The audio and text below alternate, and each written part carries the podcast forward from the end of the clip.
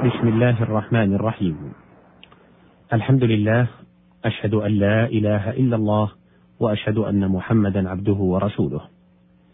أيها المستمعون الكرام السلام عليكم ورحمة الله وبركاته. هذا لقاء جديد على مائدة القرآن الكريم.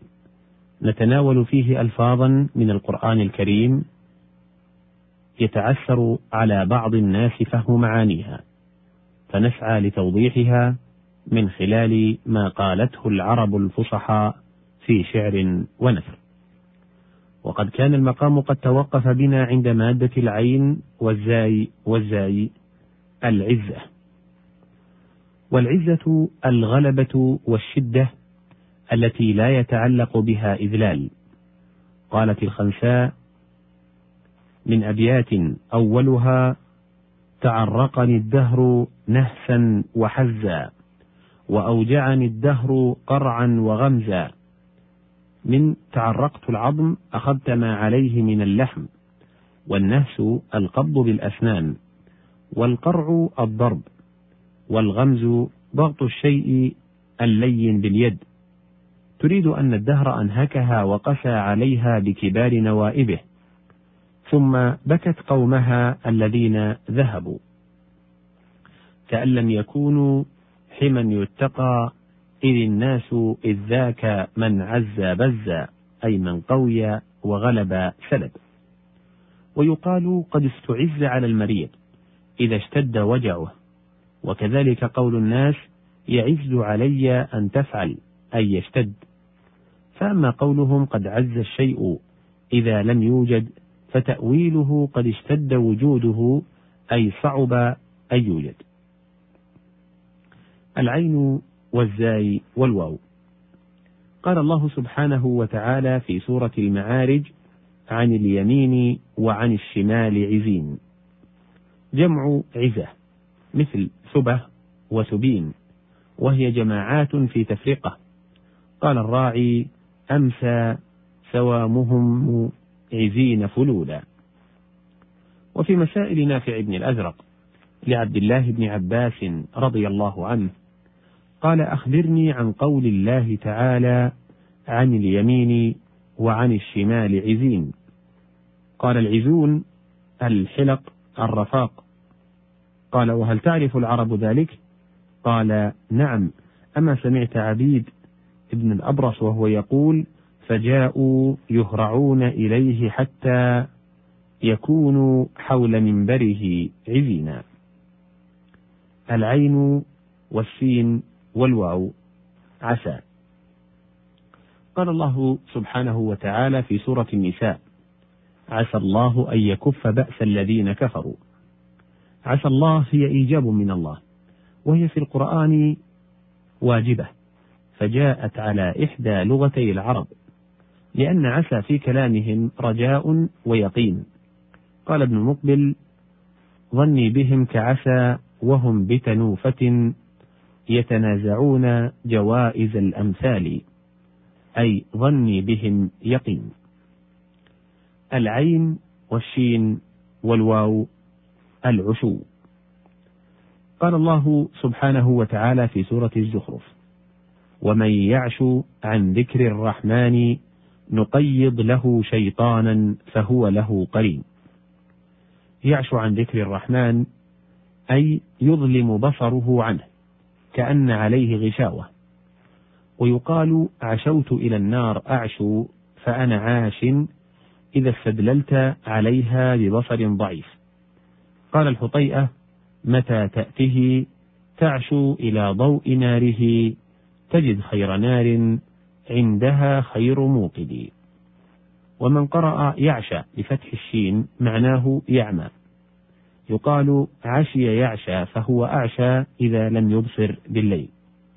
وقيل معنى يعشى عن ذكر الرحمن أي يعرض عنه. العين والصاد والباء العصيب. قال الله سبحانه وتعالى في سورة هود سيء بهم وضاق بهم ذرعا وقال هذا يوم عصيب أي شديد يعصب الناس بالشر. وقال عدي بن زيد وكنت لزاز خصمك لم أعرد وقد سلكوك في يوم عصيب. وقال كعب بن جعيل يوم عصيب يعصب الأبطال عصب القوي السلم الطوالا. وقال وإنك إلا ترضي بكر بن وائل يكن لك يوم بالعراق عصيب. وفي مسائل نافع بن الأزرق لعبد الله بن عباس رضي الله عنه قال أخبرني عن قوله تعالى يوم عصيب. قال شديد. أما سمعت قول الشاعر هم ضربوا قوانس خل حجر بجنب الردة بجنب الرده في يوم عصيب. العين والصاد والراء العصر. قال الله سبحانه وتعالى في سورة يوسف فيه يغاث الناس وفيه يعصرون يعني الأعناب والزيت. وقال أبو عبيدة يعصرون ينجون والعسرة النجاة. قال أبو زبيد الطائي يرثي ابن أخته اللجلاج الحارثي صاديا يستغيث غير مغاث ولقد كان عسرة المنجود أي غياثا ومنجاة للمكروب. وقال لبيد فبات وأسرى القوم آخر ليلهم وما كان وقافا بغير معصر وقوله سبحانه وتعالى فأصابها إعصار فيه نار فاحترقت. الإعصار الريح التي تهب من الأرض كالعمود إلى نحو السماء وهي التي تسميها الناس الزوبعة وهي ريح شديدة لا يقال إنها إعصار حتى تهب بشدة.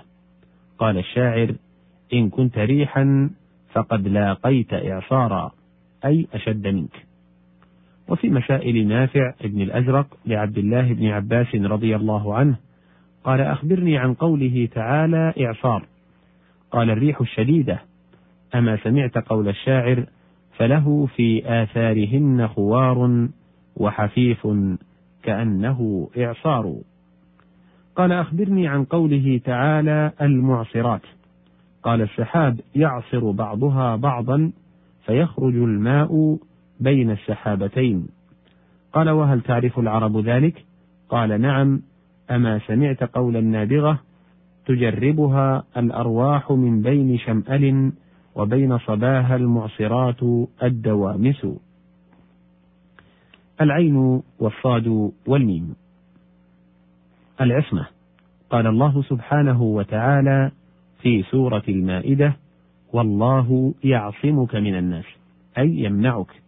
كقوله وقلت عليكم مالكا إن مالكا سيعصمكم إن كان في الناس عاصم العين والضاد والدال العضد. قال الله سبحانه وتعالى في سورة القصص قال سنشد عضدك بأخيك ونجعل لكما سلطانا أي سنقويك به ونعينك به. يقال إذا أعز رجل رجلا ومنعه قد شد فلان على عضد فلان وهو من عاضدته على أمره أي عاونته وآزرته عليه.